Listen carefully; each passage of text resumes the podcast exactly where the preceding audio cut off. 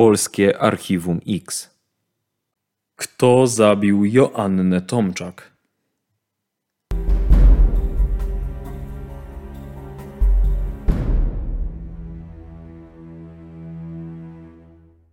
Mija już e, prawie 31 lat od tajemniczej e, zbrodni 18-letniej wówczas Joanny Tomczak z Żagania. Jej ciało zostało znalezione w lesie rok po zabójstwie. E, czynności śledczych w tamtym czasie nie pozwoliły na wyjaśnienie zagadkowej śmierci, mimo że do sprawy zatrzymane zostały cztery osoby. Nad tą sprawą wciąż intensywnie pracują policjanci operacyjni z Komendy Wojewódzkiej Policji w Gorzowie Wielkopolskim z tak zwanego archiwum X. Ale wróćmy do tych wydarzeń, które miały miejsce przed ponad 30 laty. Mówi podinspektor Marcin Maludy, rzecznik prasowy Komendy Wojewódzkiej Policji w Gorzowie Wielkopolskim. Joanna Tomczak urodziła się w Żaganiu w 1973 roku. Była osobą nieśmiałą i skrytą, ale łączyły ją silne więzi z jej dwiema siostrami. Jedną z pasji dziewczyny była muzyka. Rodzice postanowili ją zapisać z tego powodu do szkoły muzycznej, w której uczyła się gry na skrzypcach. Jej marzeniem było otwarcie w przyszłości zakładu krawieckiego – Dlatego po ukończeniu podstawówki zdecydowała się pójść do szkoły zawodowej na profil krawiectwo. Była bardzo pilną i sumienną uczennicą, docenianą przez nauczycieli. W czerwcu 1991 roku dziewczyna ukończyła naukę w szkole i wraz z rodzicami wyjechała do ośrodka wypoczynkowego w Niesulicach. To wieś w województwie lubuskim położona w pobliżu Świebodzina, blisko 100 kilometrów od Żagania. Pani Stefania, mama dziewczyny, pracowała tam jako szefowa kuchni. Z kolei pan Jerzy, tata Asi, był pracownikiem recepcji. Dziewczyna zaś była kelnerką. Stefania i Jerzy mieli pracować w ośrodku do końca sierpnia. Asia z kolei po zakończonej zmianie 31 lipca pożegnała się z bliskimi i pojechała do Żagania. Po dziewczynę przyjechał jej ówczesny chłopak Roman. Do Niesulic przyjechał on autobusem – ponieważ nie posiadał własnego samochodu. Po krótkiej rozmowie z rodzicami swojej dziewczyny, para wsiadła ponownie do autobusu i pojechała w stronę żagania. Po powrocie dziewczyna zamieszkała u swojej siostry Lilianny i jej męża. Miała u nich przebywać do momentu, aż ich rodzice wrócą do domu. Asia od czasu do czasu zaglądała do rodzinnego domu, aby podlać kwiaty. 17 sierpnia 1991 roku dziewczyna szykowała się do wspólnego wyjścia ze znajomymi. Mieli iść razem na dyskotekę pod chmurkę. Były to jedne z ostatnich chwil wakacyjnej beztroski. Kilka godzin później ślad po Asi zniknie. Tymczasem dziewczyna kończy się malować, zakłada ubrania, które dzień wcześniej kupiła razem z siostrą i wychodzi z domu. Wcześniej siostra ustala z Asią, że wróci ona do mieszkania o 23. Po wyjściu dziewczyna spotyka się ze swoją przyjaciółką Ewą i kilkoma kolegami. Najpierw idą do jednej z restauracji. Tego wieczora pada deszcz. Decydują, że zamiast dyskoteki pod chmurką urządzą sobie domówkę. Asia prosi jednak Ewę, żeby najpierw poszła z nią do Romana. To właśnie z nim dziewczyna spędzała ostatnie dni przed zaginięciem – Znajomi dziewczyny opowiadali, że ich relacja była bardzo burzliwa, a Roman bywał bardzo agresywny i zazdrosny o Asię. Zdarzało mu się śledzić dziewczynę. Dlatego dzień przed zaginięciem dziewczyna zdecydowała o rozstaniu się z chłopakiem. Jednak 17 sierpnia chciała mu przekazać ważną wiadomość.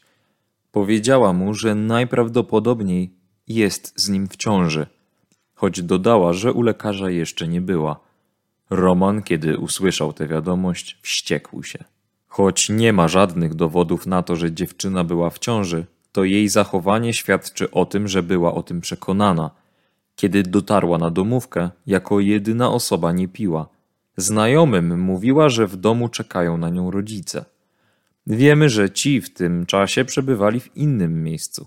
Być może była to wygodna wymówka dla dziewczyny, aby nie musieć się tłumaczyć, dlaczego nie spożywa alkoholu. Impreza odbywała się u Tadeusza. Mężczyzna był kolegą Ewy. Wygląda na to, że Asia zamierzała dotrzymać słowa danego siostrze i z zabawy wyszła około 22.30. Towarzyszył jej Stanisław. To chłopak, który również był na domówce. Zaproponował Joasi, że ją odprowadzi.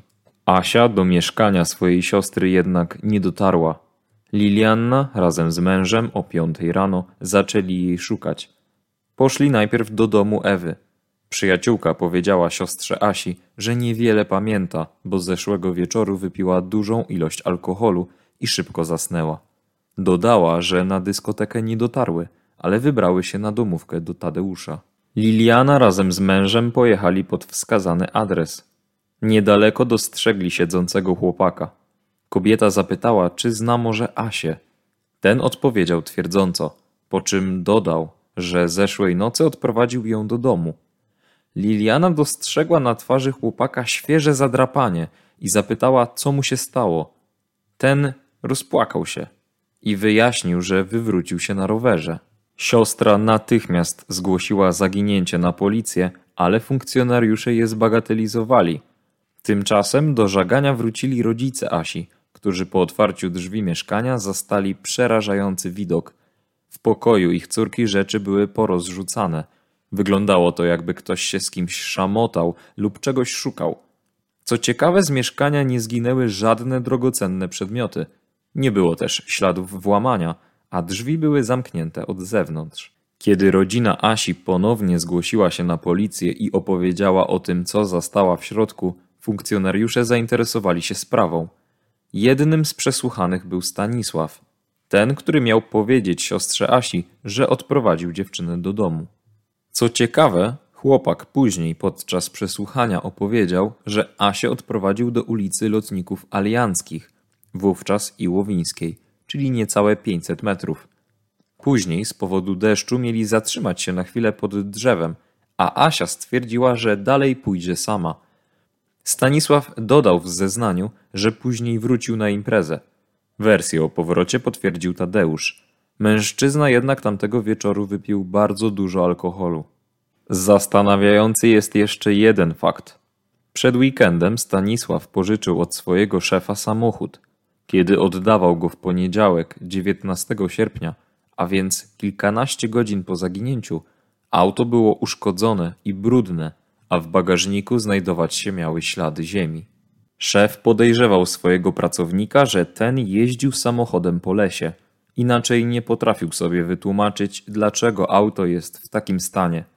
Dodatkowo mężczyzna pół żartem rzucił do swojego pracownika, co zrobił Asi. Chłopak odpowiedział: Myśli pan, że ja ją zabiłem? To zaskakująca odpowiedź, ponieważ w tamtym czasie nikt nie mówił o zabójstwie Asi, a jedynie o tym, że kobieta zaginęła kilkanaście godzin wcześniej. Jakiś czas przed zaginięciem Joanna nawiązała znajomość z Piotrem, zawodowym żołnierzem, który służył w jednostce w żaganiu. Napisał on także list do Asi, który przeczytali rodzice. Było w nim napisane, że dziewczyna ma u niego dług i musi go spłacić. O jaki dług chodziło, tego nie wiadomo. Żołnierza udało się namierzyć, ponieważ list był podpisany z imienia i nazwiska. Piotr został przesłuchany, ale wyparł się znajomości, twierdząc, że nigdy Asi nie spotkał. W kręgu zainteresowania śledczych znalazł się również Roman, były chłopak dziewczyny. Tymczasem we wrześniu 1992 roku grzybiarze w lesie w pobliżu Mielna, około 30 km od Żagania, natknęli się na wystające z ziemi ludzkie szczątki. Policjanci byli przekonani, że znalezione zwłoki należą do Asi. Rodzice odmówili jednak przyjazdu do prosektorium i identyfikacji. Wcześniej już kilkukrotnie policjanci okazywali im ciała innych dziewczyn, sądząc, że to może być Asia. Dlatego ostatecznie ciało pochowano jako niezidentyfikowane zwłoki. Sekcja wykonana przed pogrzebem ujawniła, że dziewczyna miała złamaną kość gnykową, co może sugerować, że przyczyną jej śmierci było uduszenie.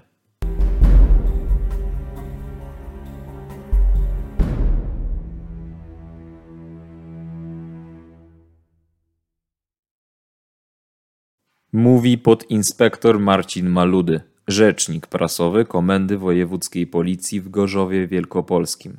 E, ale warto, aby przenieść się tym razem do wydarzeń, które miało miejsce we wrześniu 92 roku, czyli ponad rok po tym, e, kiedy Joanna była widziana po raz ostatni. E, wówczas to grzybiarze natknęli się na wystające z ziemi szczątki ludzkie w kompleksie leśnym około 30 kilometrów od Żagania.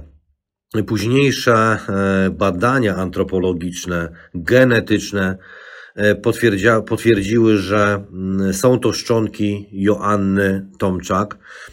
E, przeprowadzony proces wykrywczy, e, przesłuchania świadków, oczywiście oględziny miejsc prowadzonych czynności, analiza zebranego materiału dowodowego, E, to, co już mówiłem wcześniej, czyli odtworzenie ostatnich e, dni życia osiemnastolatki, e, ba, zaangażowanie biegłych z dziedziny grafologii, antropologii, daktyloskopii, a także traseologii, ponieważ powstałe ślady na, miejsca, na miejscu, gdzie była ostatni raz widziana, upoważniały nas do tego, ale także szereg innych czynności operacyjno-procesowych, doprowadził do zatrzymania potencjalnych, jak się okazuje, tylko e, sprawców tej zbrodni.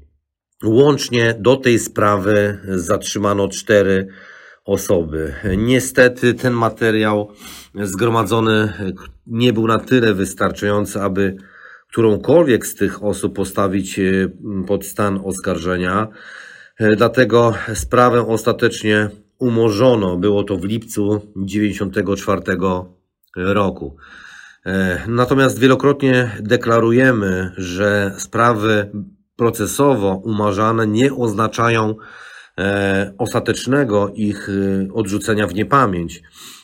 Do spektakularnych spraw sprzed lat często wracają policjanci właśnie z tak zwanego archiwum X, i tak właśnie działo się ze śledztwem 18-letniej Joanny Tomczak. Policjanci operacyjni z Wydziału Kryminalnego Komendy Wojewódzkiej e, Policji w Gorzowie Wielkopolskim e, właśnie tak e, pracowali, aby podjąć te wszystkie ślady, które powstały wówczas, ale także, aby nadać już bardziej innowacyjny, oryginalny ton mm, temu śledztwu, które wcześniej zostało umorzone. Po latach rodzina zaginionej uznała, że warto byłoby jednak upewnić się, czy dziewczyna znaleziona w leśnym grobie nie jest ich córką. Dokonano ekshumacji, a badania DNA potwierdziły, że zwłoki należą do Asi. Sprawa była szeroko opisywana przez lokalne media. Jakiś czas po tym, jak potwierdzono tożsamość zakopanego ciała do rodziców Asi, zadzwonił telefon – Głos w słuchawce powiedział: Zginęła ci jedna córka, zginie i druga. Ustalono, że telefon wykonano z budki telefonicznej spoza województwa lubuskiego. Kto dzwonił? Nie wiadomo. Do innej sytuacji doszło też na przystanku autobusowym. Do Liliany, siostry Asi i ich taty podszedł znajomy. Twierdził, że tamtej nocy, kiedy zaginęła dziewczyna, widział, jak dwóch mężczyzn wynosi Asię z mieszkania. Siostra dziewczyny zapytała, dlaczego tyle lat milczał. Odpowiedział, że zakazano mu zeznawać i musiał wyjechać z żagania.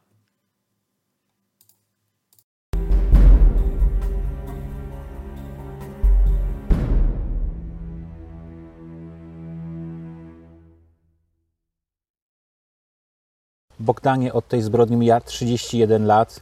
To jest bardzo długi okres czasu. Swojego doświadczenia zawodowego, jakie są trudności albo jakie trudności napotykają śledczy w takich sprawach po latach? Wiesz, to każda sprawa ma indywidualne trudności. Na pewno w świetle tego, co było nauczane do czasu powstania zespołu Archiwum X, praktycznie po upływie no, różnych 48 godzin, 72 godzin z innych źródeł już praktycznie ma szansę na wykrycie mm, zbrodni mm, malały, prawda? Y, my jednak udowodniliśmy swoją działalnością, że czas tak naprawdę nie gra tutaj roli, że paradoksalnie ten upływ czasu czasami y, pozwala na ujawnienie po wielu latach nowych źródeł dowodowych. Najważniejsze to jest wiara w to, że ta sprawa zostanie wyjaśniona, że sprawca e, zostanie ustalony i zostaną mu przedstawione zarzuty. Jeżeli ktoś z góry zakłada, że, że się nie uda, to się nie uda. Jeżeli natomiast wierzysz w to, owszem, to nie będzie łatwe, e, może być początkowo jakieś trudności, kłopoty, bo jednak ten upływ czasu, no nie oszukujmy się, też ma wpływ, ale, ale tak jak mówię, no, trzeba inaczej popatrzeć troszeczkę na materiał dowodowy. W tych starych sprawach przede wszystkim trzeba sobie zrobić, każdy detektyw musi pierwsze co uświadomić sobie, jeżeli ma ślady kryminalistyczne, to sprawdzić, czy naprawdę to mógł zostawić sprawca, czy też są te ślady zabezpieczone przypadkowo w trakcie oględzin, bo przecież gro śladów nie pochodzi od sprawców zabezpieczanych w toku oględzin. Jeżeli nie ma śladów, no to musi całkiem inną koncepcję gromadzenia materiału dowodowego i to jest najistotniejsze właśnie w tych starych sprawach, żeby wiedzieć w jakim kierunku się poruszać, jakie czynności przeprowadzić, żeby właśnie e, znaleźć te dowody i po wielu latach przedstawić sprawcy zarzuty. Co właściwie można znaleźć po 31 latach? Bo zakładam, że takie dowody stricte kryminalistyczne pewnie jest ciężko znaleźć. Czy to jedynie jest możliwe znalezienie dowodu, powiedzmy to, w ludzkiej pamięci? Być może ktoś coś widział, ale boi się powiedzieć? Ale oczywiście, to przede wszystkim w tego typu starych sprawach, tutaj z tego co ja pobieżnie oczywiście zapoznałem się z materiałem tej sprawy, wynika, że prawdopodobnie nie było zabezpieczonych śladów takich kryminalistycznych wprost identyfikujących sprawcę. E, Po wielu latach trzeba właśnie na, to, na te ślady na duszy ludzkiej szukać, które się nie zamazują, których nie można usunąć. Jeżeli ktoś coś wie na ten temat sprawy, coś usłyszał, czasami to nie musi być bezpośredni świadek y, zabójstwa, ale osoba, która coś spostrzegła, coś ją zaniepokoiła, to te ślady będą do końca życia w ty- takim człowieku i, i, i trzeba po prostu trafić, dotrzeć do tego człowieka, e, przekonać go, żeby złożył zeznania, że te zeznania mogą mieć olbrzymią wartość dowodową i po prostu krok po krok zbierać te takie małe dowodziki, które w końcu doprowadzą e, do przedstawienia zarzutów. Czyli ślady na duszy, o których Ty mówisz, to rozumiem, że to jest nic innego, po prostu jak ludzka pamięć, takie pewne jakieś wydarzenia, nazwijmy stykowe, które gdzieś tam zapadły dość mocno po prostu w pamięci, tak? Tutaj, jeżeli mówimy o, o przypadkowych jakichś świadkach, to tak, natomiast no, ślady na duszy ludzkiej inaczej u sprawcy, prawda? To jest kłamstwo, to jest ucieczka w alkohol, w narkotyki, wyjazd z kraju, porzu- porzucenie dotychczasowego trybu życia. Tych śladów jest masę i bardzo zindywidualizowanych i nie chciałbym z tego nigdy robić jakiś kanon, bo to trzeba bardzo patrzeć bardzo indywidualnie na daną sprawę. W tej sprawie na pewno, jeżeli co bym mógł podpowiedzieć detektywom, nad który, którzy się pochylają nad tą sprawą, to na pewno trzeba przeanalizować, kto wtedy miał dostęp do samochodu, powiedzmy, jeżeli był to uczestnik imprezy, zakładając taką wersję osobową, że to ktoś, kto uczestniczył w tej imprezie, kto dysponował samochodem, czy te zwłoki dla mnie istotne były gł- głęboko zakopane, czy w ogóle były zakopane, czy tylko porzucone. To są też bardzo ważne ślady kryminalistyczne. I I chyba też samo miejsce porzucenia tych zwłok. On, te zwłoki zostały znalezione 30 km od miejsca, gdzie była impreza, około 30 km, więc zakładam, że sprawca najprawdopodobniej prawdopodobnie w jakiś sposób jest związany z tym terenem, gdzie je porzucił. tak, natomiast jeżeli ktoś przykrył ziemią, to znaczy, że ktoś ją znał. I to jest bardzo ważny dowód. Nikt nie ukrywa zwłok, jeżeli by polował po prostu na przypadkową ofiarę, to może wykorzystał ją seksualnie i zabił, pozbawił życia i, i oddalił się, bo nikt go nie kojarzy z ofiarą. Natomiast w przypadku, gdy e, ofiara znała swojego e, późniejszego mm, sprawcę pozbawienia jej życia, no to taki człowiek będzie się starał zacierać ślady, a więc on będzie zakopywał zwłoki. Także to jest ważna wskazówka tutaj właśnie dla, dla detektywów.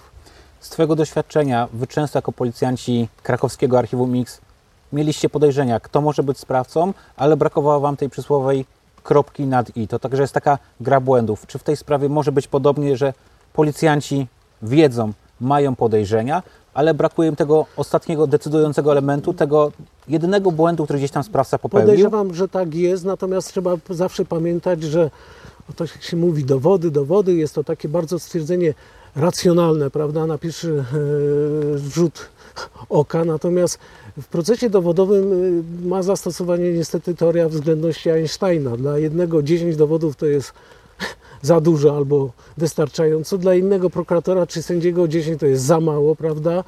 I, i, i, tutaj y, czasami jest ten materiał dowodowy, natomiast jeżeli trafi to na osobę w prokuraturze lub w sądzie, która no, nie czuje blusa do tych spraw zabójstw, to jest związane z dużą odpowiedzialnością, bo sprawca czasami idzie na kary pozbawienia dożywocia, no to po prostu on będzie oddalał taki, taką odpowiedzialność od siebie i będzie cały czas mówił za mało dowodów, za mało dowodów, to zróbmy jeszcze to, jeszcze tamto i często się z takim, takim sposobem postępowania ze strony prokuratorów, czy, y, no głównie prokuratury spotykałem.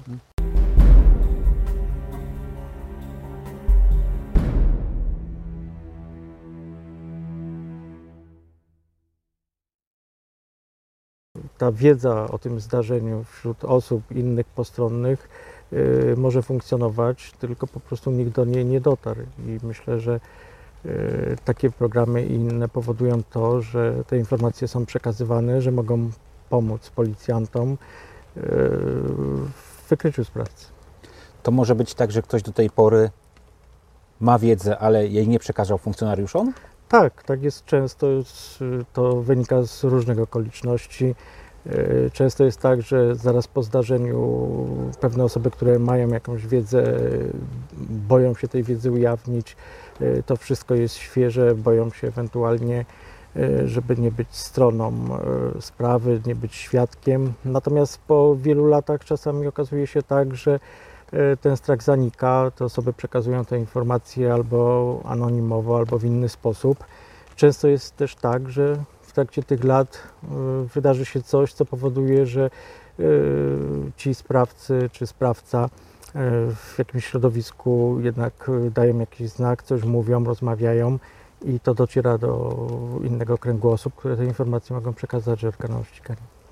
No właśnie, z Waszego doświadczenia zawodowego, Twojego i Bogdana, jest tak, że często sprawcy jednak komuś gdzieś na swoim etapie życia powiedzieli o tym, co zrobili. Czy jednak te wyrzuty sumienia są większe, ten sprawca często musi komuś się wygadać? No to niekoniecznie jest tak, że to są wyrzuty, bo to jest wszystko zależne od osoby. Są osoby, które mają jakieś wyrzuty, które dokonują y, zabójstwa i jednak gdzieś tam głęboko w nich to siedzi i na skutek y, nie wiem, różnych okoliczności, alkoholu, y, narkotyków, chwili słabości powoduje to, że, że, że mogą coś powiedzieć konkretnie o sprawie, nawet po prostu y, przedstawić, że coś takiego się wydarzyło. A często jest tak, że mówią fragmentarycznie pewne rzeczy. Są też osoby, które chwalą się jak gdyby w swoim środowisku na skutek, nie wiem, podczas trwania różnych y, imprez, czy to, to jest wszystko zależne od osobowości sprawcy. Często jest też tak, że sprawca dość szczegółowo śledzi to, co się w danej sprawie dzieje. Czy taki sprawca, który na pewno gdzieś w mediach przeczytał o tym, że Archiwum X wróciło do sprawy, czy po tych 31 latach on nie czuje się na tyle pewnie, że skoro przez tyle lat nic się nie dało zrobić, to nadal może spać spokojnie? Nie, no myślę, że strach dotyczy każdego i, i to, że ktoś uzyskuje taką informację, że te sprawy są przypominane w mediach, powoduje na pewno u sprawcy pewien niepokój, y, czasami panikę, bo y, nikt nigdy nie może być pewny, że nie był widziany, że ktoś y, nie zna informacji, które mogą go zidentyfikować. No i często to powoduje dyskomfort dosyć duży w jego życiu, a czasami też różne dziwne posunięcia i nerwowe ruchy, które powodują to, że policja, mając, obserwując pewne osoby, co do których ma podejrzenia z jego zachowania i z, z zmiany na przykład y, cyklu swojego życia, może wywnioskować, że jednak ta osoba ma coś wspólnego z tym zabójstwem. Tutaj też sprawca może mieć większe obawy, ponieważ sprawą zajęło się Archiwum X y, z Gorzowa, czyli nie tylko policjanci z Wydziału Kryminalnego, przede wszystkim też pasjonaci, ludzie, którzy poświęcają swój czas wolny. Myślę, że to chyba tym bardziej, prawda, gdzieś działa na wyobraźnię sprawcy. Tak, bardzo się cieszymy, że jednak te zespoły, które powstały wzorem naszego krakowskiego Archiwum Mix, y, który powołaliśmy do życia, y, funkcjonują, pracują, wracają do tych spraw. y, Powodują to, że żaden z tych sprawców różnych zabójstw nie może być spokojny i na pewno gdzieś ten medialny przekaz i, forma działania tych, tych wydziałów powoduje to, że no, sprawcy jednak obawiają się tych czynności wykonywanych przez policjantów. I tutaj jest nam bardzo miło, że tak wiele tych spraw zostaje w Polsce wznawianych i sprawcy zostają jednak wykryci. No właśnie, tutaj mamy sprawę z Gorzowa. Ostatnio była słynna sprawa z Białegostoku, gdzie też po blisko bodajże 30 latach sprawca został zatrzymany. To jest też taki przekaz chyba do wszystkich sprawców zabójstw, że mimo upływu lat, mimo upływu tych 20-30 lat, oni nie mogą czuć się pewnie. Tak, bo tutaj praca, praca naszych kolegów, którzy aktualnie pracują nad różnymi zabójstwami z terenu kraju, które zostały niewykryte y, w połączeniu z y, rozwojem tej techniki, bo tutaj mówimy o niektórych sprawach naprawdę sprzed wielu lat, z lat 90., kiedy ta y, jednak tak daleko posunięty rozwój techniki spowodował, że pomaga współczesnym policjantom i wiele tego typu spraw znajduje rozwiązanie.